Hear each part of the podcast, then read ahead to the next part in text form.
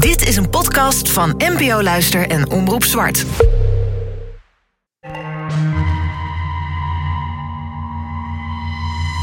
En waar komt dat geluid dan vandaan? Woef, woef.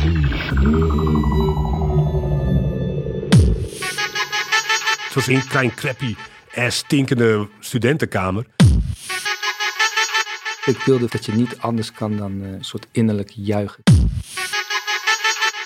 Nee, maar het was echt fucking crappy. Als je het ziet, het was echt... Dit was de piek van ons kunnen toen, van opgezwollen.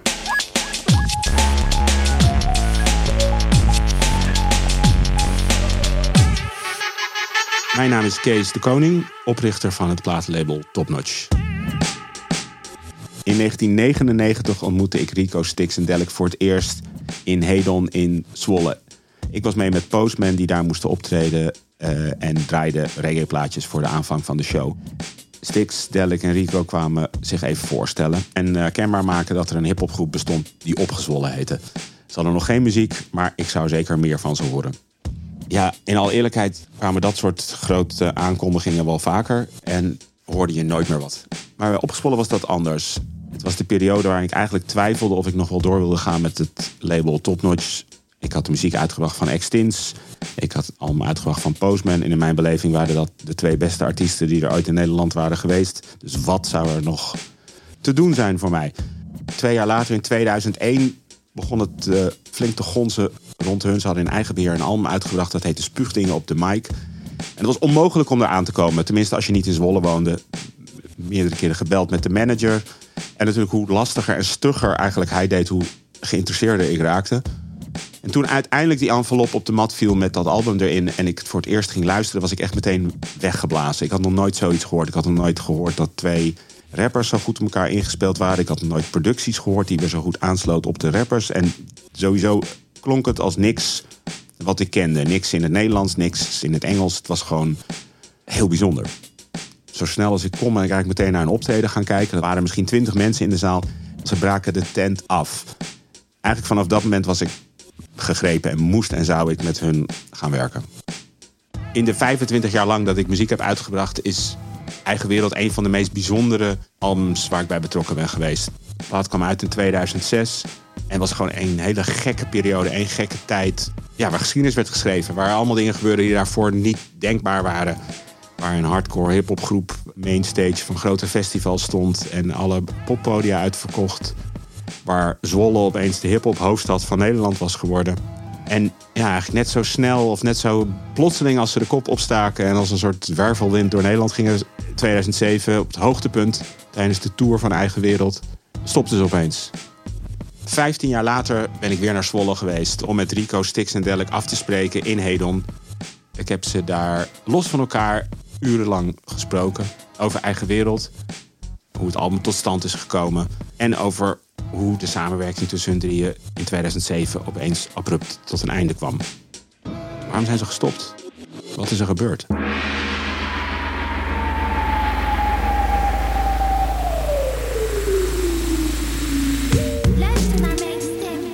Ik ben Junte Uiterwijk. En uh, ik rap als uh, Stix.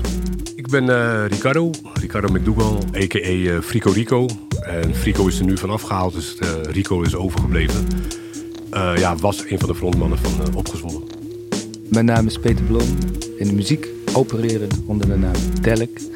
In Opzwollen maakte ik alle muziek, mixte ik alle muziek en op podium fungeerde ik als DJ. Ik zit in mijn eigen.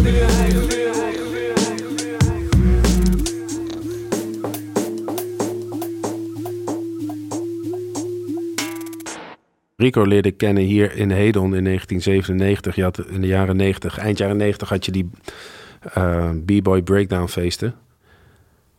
En nadat, ik weet nog dat we na die party uh, gingen rappen. Gewoon hier op de, hiervoor. Op de oude Hedel nog. Het is verbouwd inmiddels. Maar gewoon hier op de stoep. En dat is letterlijk hoe we elkaar leerden kennen. Gewoon rappend. Freestylen op de blok. Gewoon echt voor de deur. Beatboxen. En uh, toen hoorde ik hem rappen. En dat klonk heel tof. En hij vond mijn shit ook tof. En hij zei, ja, ik ken een producer, of producer, ik ken een jongen die beats maakt. Zullen we daar een keer heen gaan? En dat was uh, Peter. Ja, want Delik, Peter was, uh, die zat bij mij in de klas. Vanaf 2 HAVO. En uh, Je had net zijn drumstel verkocht om een, om een computer te kopen. En qua muzieksmaak zat ik ook in een, in een overgang. Want ik was echt geobsedeerd met drummen. En ik zat heel erg in de, in de metal. En uh, ik heb een soort transition gemaakt naar hip-hop. En uh, toen kwamen we daar bij het huis aan. En toen, vanaf toen is het gewoon echt dagelijks uh, met elkaar omgaan. Echt letterlijk elke dag. En schrijven en smoken en hip-hop luisteren en dat soort dingen, ja. This is some new fresh shit. Staat hij al, loopt hij al, loopt hij al? Is hij al aan het rollen? Coming down. Come, come, coming down. Yo, this is what you want, son. This is what you want. This is what you want, God. This is what you want, yo. This is what you want, son. This is what you want. This is what you want, yeah. Definitely what you want. Ik had uh, net, denk een jaar daarvoor ongeveer, of anderhalf jaar daarvoor, uh, Kevin leren kennen. Kevin is uh, Blackstar, de grote broer van uh, Typhoon. En hij rapte Engels toen, samen met Kevin. Met Blackstar dus. This is the freak of Rico, I'm coming down for all your people from here to I don't know where, but I was going on to the microphone is up, but yo, I keep going, continuing, bringing shit from the menu. So every time I be rhyming from the top of the fucking dome, yes, I'm sitting on chrome like Master Ace. Yes, I'm in the place to be for the 9A tour, motherfucking infinity. Yes, we're gonna be. En Stix rapte ook Engels, maar zijn voorkeur of rapte Engels en Nederlands, maar zijn voorkeur ging naar Nederlands. En ik heb hem kunnen overtuigen uh, om Nederlandstalig als uh, go-to uh, language, om het in het Engels te zeggen, om dat te pakken. Want ik was gewoon van overtuigd van als je in het Engels gaat rappen, dan gaan we niet halen. Want er zijn zoveel rappers Engelstalig. Dat gaat nooit op dat niveau zijn. En ik moest daar echt even inschakelen ook. Ik dacht van ja, Nederlands man, dat, dat hoort niet, weet je. Het hoort gewoon Engelstalig te zijn, een rap. Uh, maar wel een paar teksten geprobeerd te schrijven. En uh, dat ging al heel snel heel goed. Deze halve Aruba, Nederland is waar ik sta. Met de Schotse achternaam, voornaam is Italiaans. Rico Rico maakt me in mijn moedertaal verstaanbaar Het is om goed te kunnen communiceren met elkaar. Ik denk dat, shut up, mijn baal is nog niet klaar. Wie de schoen pas trekt hem aan. En nu heb ik een paar met van die anti-slip zolen Dus niet die schoenen die je gebruikt bij polen. Mijn grond is zolen voor grote holen. Ik zal niet branden, man ik loop op hete kolen Van de ene kant naar de andere. En niks zal Dus uh, toen zijn we in het Nederlands gegaan En Kevin kwam ook altijd bij met mij bij Delic en Stix. Maar die wilde echt uh, Engelstalig blijven schrijven. En verhuisde ook uh, op, rond die tijd naar Amsterdam. Uh, maar op een gegeven moment is hij dus een beetje afgehaakt. En zijn we met z'n drieën overgebleven. En toen kwam de naam Opgezwollen. Opgezwollen, de volle. Net rappers zijn de halve maan. We vallen ze aan. Killen ze als ze van de ballen gevallen banaan. Sommigen kijken, sommigen denken. Waar komen die mannen vandaan? Ik zei dat in het begin de eerste zin. Shit, je kan me verstaan toch? Wat zeg je? Nee, we hebben dat niet. We hadden een, ik denk alle drie wel gewoon een missie om iets te doen wat we zelf echt heel vet vonden. En wat, we, wat niet bestond. En er was een soort bijna religieuze missie om dat in de wereld te, te brengen. Het was ook zo dat wij vonden, de jonge jongens die we waren, dat uh, er ook niet zoveel tofs was in Nederland. En uh, vanuit dat uitgangspunt hebben wij ook een beetje, zijn we eigenlijk ook een beetje begonnen. Zo van, joh, dit kan veel beter. Weet je wel, Nederlandstalige hip-hop kan veel beter dan dat het nu is. Dat was sowieso voor Rie en mij. Wilden we zoals Tribe en Das Effects en Alcoholics en zo, die tag team rappers uh, Smith Wesson, dat soort dingen. Dat wilden wij ook in Nederlands, want dat hoorden we niet. Kijk, je had Extins heel goed, maar ook heel funky. En we wilden het wat, wat roffer hebben. En dan had je Duvel, maar dat was weer heel erg straat. En wij waren niet zo straat als hij. Dus we misten dat element van echt lyrisch geweld in het Nederlandstalig. Wat, ja, daarom zeiden we ook dat rap. Ik denk toch van we zijn een soort rappende CMA's tweeling. En je, op een gegeven moment moest het zo zijn, vonden wij altijd, dat, dat je bijna niet meer wist wie dan aan het woord was. Dat het zo Swift elkaar afwisselde. En zo met die intentie zijn we gewoon uh, tracks gaan bouwen en dus die spuugdingen gaan maken ook.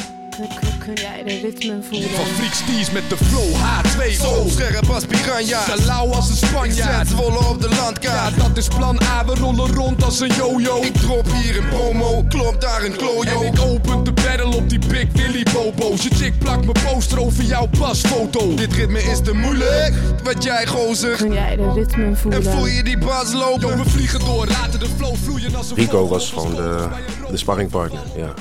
Ik kon niet rappen, echt niet. Uh, hij is vijf jaar ouder dan ik ben. En uh, hij is dus uh, ook vijf jaar had hij meer ervaring in het schrijven van teksten. En hij was de, de guy die ik de, mijn voornaamste uitdager, zeg maar. Want ik schreef tien keer zoveel als hij schreef. Gewoon puur omdat ik dacht, er zit er vast één tekst tussen die een beetje kan hangen met zijn, zijn output. En ik denk dat hij weer iets had aan dat fanatisme. Dat hij dacht van, oh, die jongen is wel heel fanatiek. Ja, hij werd steeds scherper. En hij is echt sinds spuugdingen gigantisch gaan ontwikkelen, weet je wel. Omdat we dus, niet omdat, maar ik denk ook mede omdat we dus heel veel samen schreven. En hij heeft dingen heel snel opgepakt. Uh, gewoon uh, delivery. En zijn flow werd ook steeds beter. Dus dat is wel... Uh, ja, het werd meer competitie. En dan wil je wel gewoon ook die competitie winnen. Weet je wel? En dat was misschien hoor. Voor mij, ik, ik praat echt over mezelf nu. Hè. Dat was, bij het begin was het allemaal echt love, peace en, en unity. maar op een gegeven moment werd het echt zo van... Oké, als je dit, weet je, dan heb ik ook nog wel wat voor jou. Weet je wel, zo ja, wat harder of zo, weet je wel, in, uh, in a good way. Onbewust, denk ik hoor, grotendeels. Maar misschien op den duur ook wel dat, het me, ja, dat ik daar steeds bewuster van werd. Ik vond uh, vloeistof, beestenboel, daar uh, hoorde ik een first. Ik weet op een of andere manier heeft mij dat destijds heel erg geraakt of zo, weet je wel. Ik, vond het, uh, ik voelde me een beetje, een klein beetje ja, tussen aanhalingstekens aangevallen, weet je op die verse. Terwijl het gaat over beesten, weet je wel, dat is ook wel grappig. Je begrijpt wat ik zeg, daarom grijp je dus een flesje bier. We geven gelijkenissen tussen mens en dier. Dieren voeren een strijd om macht bij de zoog. We gingen vroeger al op jacht met een pijl en boog. Mijn moeder heeft geen skijk, ze beschermt de kroos. Ook al voel je dan niks uit, je bent niet werkeloos. Natuurlijk bepaalt er iedereen zijn eigen taak. Om deze reden zijn die beesten bolrijms gemaakt. En dat ik ook dacht van, heb je het nou over mij, weet je wel, zo...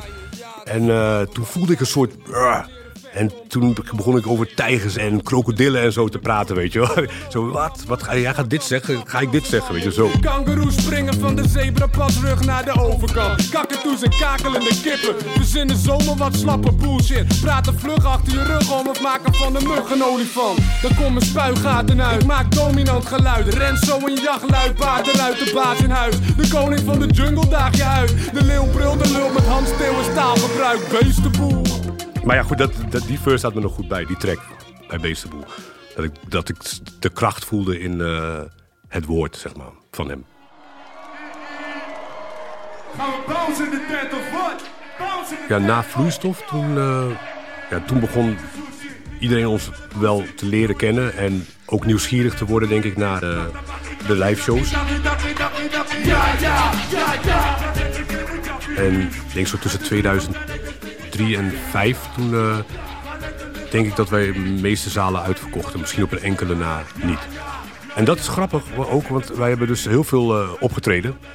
En pas later besefte ik mij uh, dat het eigenlijk niet heel normaal was om wekelijks op te treden. Weet je wel? Meestal duik je de studio in, maak je een album, doe je een tour. Maar wij hebben non-stop, nou, lang opgetreden. En eigenlijk op den duur alleen maar uitverkochte zalen. Het kwam één op de 10, 20 keer voor dat de zaal niet was uitverkocht. En dan was het ook van, huh, niet uitverkocht? Dat is weird.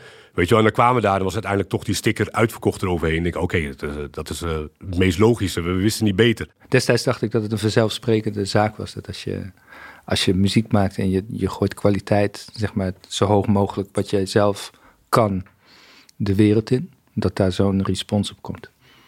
Inmiddels weet ik dat het niet vanzelfsprekend is. Ja, vanzelfsprekend klinkt zo arrogant, maar het was een beetje van ja, logisch, want er komen steeds wat meer mensen. Het was niet de eerste album gelijk daar en helemaal uh, Hosanna-stemming, maar het werd heel geleidelijk iets meer, totdat het helemaal vol stond overal. Dus het was, dat vond ik niet zo gek. Zo van ja, steeds meer mensen weten er nu van. En omdat we allemaal heel jong waren, was het ook gewoon, ja, dat is je eerste ervaring. Dus je ja, denkt van, dat zal wel zo moeten terugkijkend nu denken we, jeetje man, wat een luxe was dat eigenlijk. Weet je, elke zaal waar we kwamen ging het gewoon helemaal, gewoon helemaal los. Weet je, dat is echt een gekkenhuis.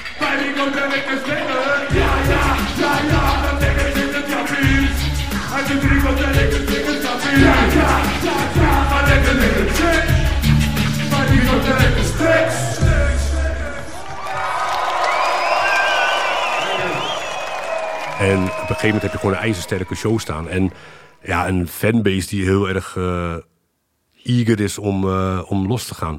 En dat is, uh, dat, ja, Het was mooi, maar wij hebben daar toen de tijd nooit bij stilgestaan. Het was altijd gewoon naar de show toe. En de terugweg, ja, dat, dat staat me gewoon bij. Want de fles drank, de auto terug. En die son, Daniel, die reed altijd en die had één regel. En dat was niet de chauffeur aanraken. En voor de rest konden we losgaan. En dat ging ook gewoon echt los. Weet je wel, altijd schreeuwen, tankstations. weet je wel, helemaal bashen. En ja, elke keer onderweg stoppen omdat je moest pissen. Schreeuwen en de muziek echt op tien, weet je, keihard. En dat was dan de donderdag, vrijdag, zaterdag. En dan door de week de studio in. En donderdag, vrijdag, zaterdag en soms zondag weer verder. En dat jaar in, jaar uit. hoe brak je ook was. We hebben meegemaakt dat uh, Delk echt doodziek was. Echt ziek. Die gewoon, moest gewoon thuis liggen. Maar die was, uh, we, ja, we hadden shows, dus we gingen erheen. Maar die had gewoon een emmer naast zich. En af en toe gewoon, weet je wel, tijdens de show. even die emmer vol kotsen. Dat was echt uh, bizar. We zaten nooit stil, weet je wel. Dus het was gewoon door de week, wat ik al zei, het weekend optreden. Door de week verder bouwen. En denk je, hé, hey, dit kan wel een nieuwe plaat worden.